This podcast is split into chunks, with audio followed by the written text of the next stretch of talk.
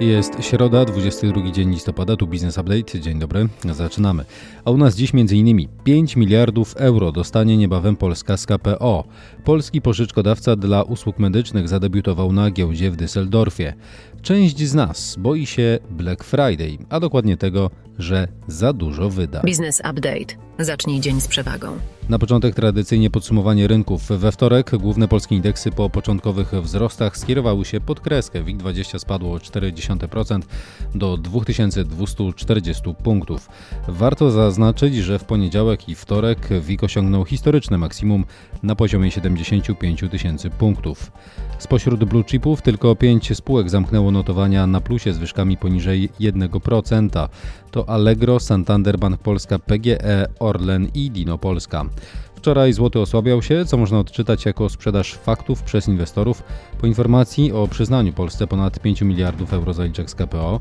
Kurs euro wzrósł do 4,36, a dolara do 3,99. Ropa WTI krót kosztowało około 77 dolarów. Gospodarka i makroekonomia. Polska dostanie niebawem 5 miliardów euro zaliczek z KPO, poinformował rząd. To w związku z zaakceptowaniem przez Komisję Europejską zmiany w planie odbudowy, o jakie wnioskowała Polska w marcu. Chodzi o dodatkową pożyczkę na kwotę 23 miliardów euro oraz dodatkowe niemal 3 miliardy euro dotacji z Repower EU. 5 miliardów euro stanowi 20% z tych dodatkowych kwot, a ich wypłata nie jest uzależniona od spełnienia jakiegokolwiek z kamieni milowych przez nasz kraj. W sumie po tych zmianach budżet KPO powiększy się do prawie 60 miliardów euro, w tym ponad 25 miliardów w postaci dotacji i 34,5 miliarda euro w formie preferencyjnych pożyczek. Donald Tusk, który prawdopodobnie zostanie nowym premierem, zapowiedział, że potencjalna koalicja ma większość wymaganą do postawienia prezesa NBP Adama Glapińskiego przed Trybunałem Stanu. Polityk dodał, że kwestia ta jest obecnie analizowana. Port kontenerowy w Gdańsku zmaga się z dużym zatłoczeniem. Kolejka do wpłynięcia sięga tam nawet 10 dni. Powodem jest wzrost ruchu z kierunku ukraińskiego, a także niewystarczająca przepustowość oraz awarie systemów czy braki kadrowe. Udało się natomiast dojść do porozumienia ze stroną niemiecką, która wyrażała obawy związane z budową portu w Świnoujściu. Terminal ma rozpocząć działalność do 2028 roku i obsługiwać jednostki o długości do 400 metrów oraz szerokości do 60 metrów.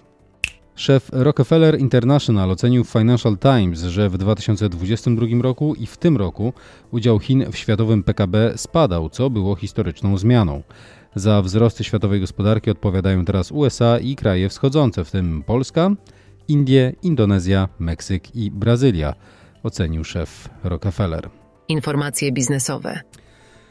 E-Way, polski operator i producent stacji ładowania samochodów elektrycznych, chce stawiać pierwsze kroki na rynkach zagranicznych, rozpoczynając od rynku skandynawskiego, Niemiec i Austrii.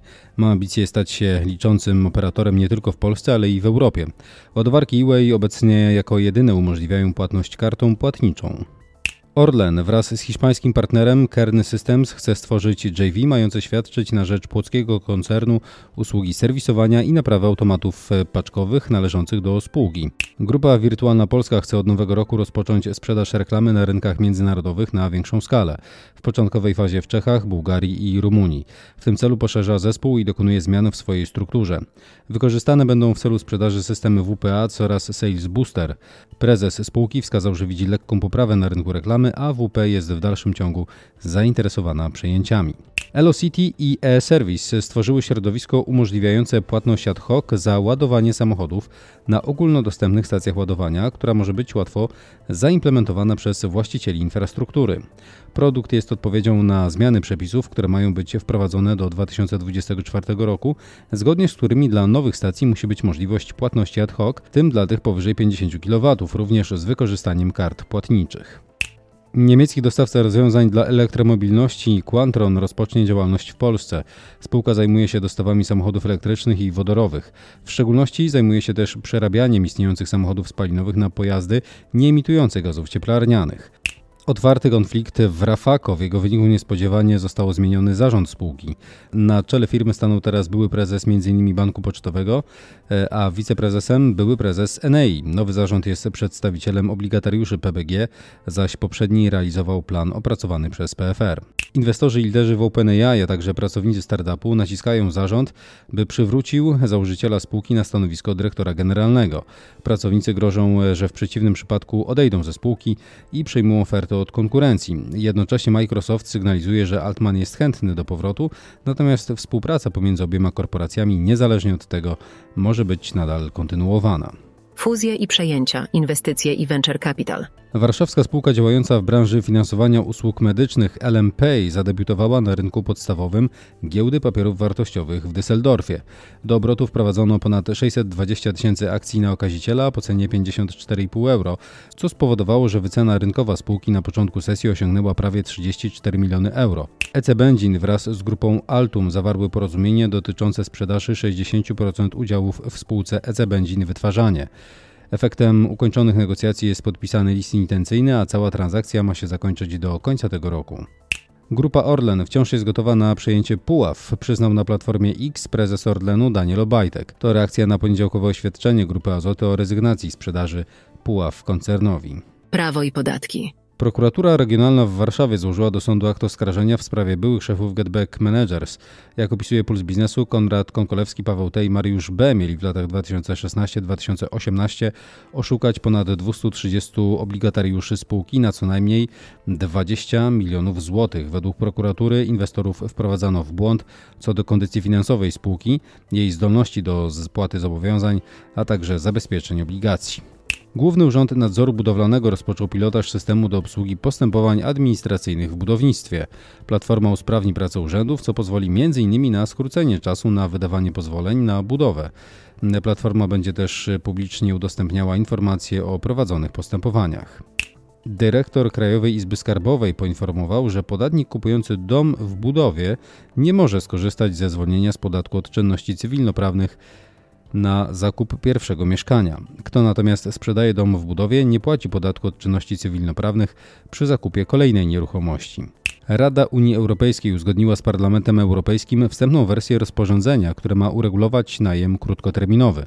Nowe przepisy mają wprowadzić m.in. obowiązkowy numer rejestracyjny dla każdego prowadzącego wynajem właściciela mieszkania, czy konieczność weryfikowania przez platformę internetową wiarygodności ogłoszeń. Dane i badania rynkowe. 44% ankietowanych podmiotów spodziewa się pogorszenia kondycji biznesu w trakcie czwartego kwartału tego roku. Równolegle do 47% zwiększy się odsetek podmiotów prognozujących stagnację sytuacji gospodarczej.